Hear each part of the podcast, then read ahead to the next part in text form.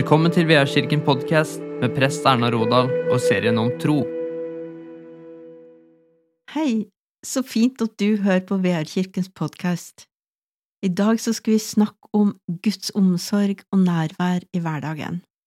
Episoden i dag heter En rød pelargonia. Jeg vet ikke om du har lest mye fra Salmenes bok, men der står det blant annet i Salme 145 at Herren er barmhjertig og langmodig og rik på miskunn. Herren er god mot alle, barmhjertig mot alle sine skapninger. Det samme kan vi lese flere steder i Bibelen, at Gud bryr seg om oss, han er langmodig, han er omsorgsfull, og han er til stede for oss. Men tror vi virkelig at Gud er nær oss alltid og i alle ting, hver dag, eller tror vi bare at Gud bryr seg om oss når vi ber eller når vi er i kirka? I vår tradisjon så har vi kanskje hatt litt eh, for å identifisere troen på Gud med spesielle kristne aktiviteter som bibellesning, bønn, kirkegang og menighetsliv, og at Gud ikke var til stede eller brydde seg om oss når vi drev på med andre gjøremål. I perioder hadde det også vært vanlig å tro at Gud skapte verden, og så trakk han seg helt tilbake og lot menneskene klare seg sjøl. Men når Gud sier at han er vår far, og at vi er hans barn, stemmer det egentlig med bildet av en Gud som bare bryr seg om deler av livet vårt? Er ikke en far opptatt av barnet sitt og har omsorg for barnet sitt i alle ting, og i alle situasjoner som barnet står i, og i alle ting barnet gjør? I en serie der temaet er Guds omsorg og nærvær i hverdagen, så vil jeg fortelle om noen erfaringer som jeg sjøl har gjort, eller andre har gjort, eller vil snakke med noen som har gjort noen erfaringer som kan belyse nettopp dette temaet. Jeg har sjøl hatt eh, den eh, tanken om Gud at eh, det var spesielt når jeg levde sånn veldig åndelig sterkt, og når jeg ba mye, eller var i kirka eller sånne ting, og det var liksom da Gud brydde seg mest om meg. Jeg hadde egentlig ikke trodd at Gud så de her vanlige, hverdagslige tingene, og som virkelig brydde seg om sånne småting. Men eh, jeg hadde en opplevelse for mange år siden.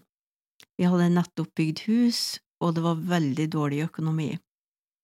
Plutselig en dag så fikk jeg så lyst på en rød pelargonia, og jeg så for meg hvor fint det kunne vært på kjøkkenbordet med denne blomsteren.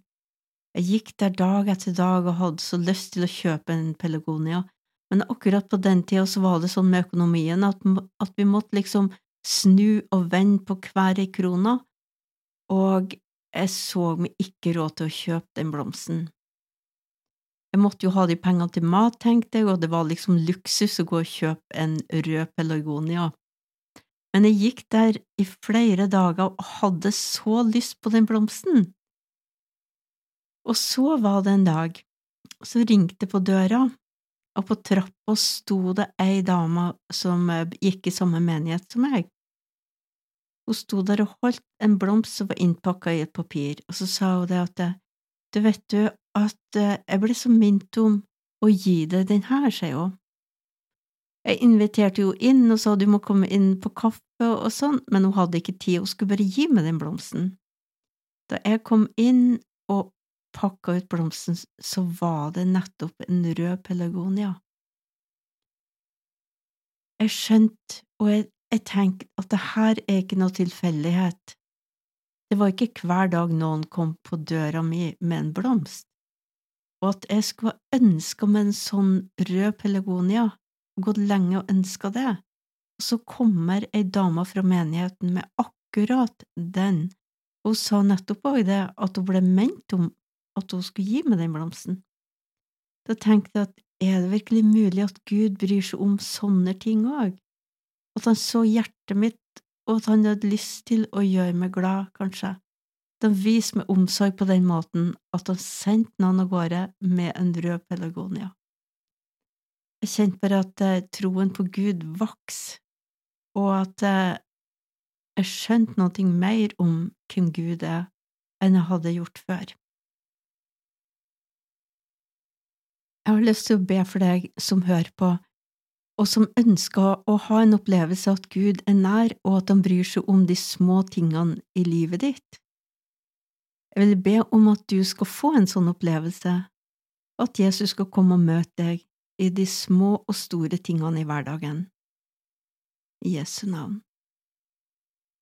Ta imot velsignelsen. Herren velsigne deg og bevare deg. Herren la sitt ansikt lyse over deg og være deg nådig. Herren løfte sitt ansikt mot deg og gi deg fred.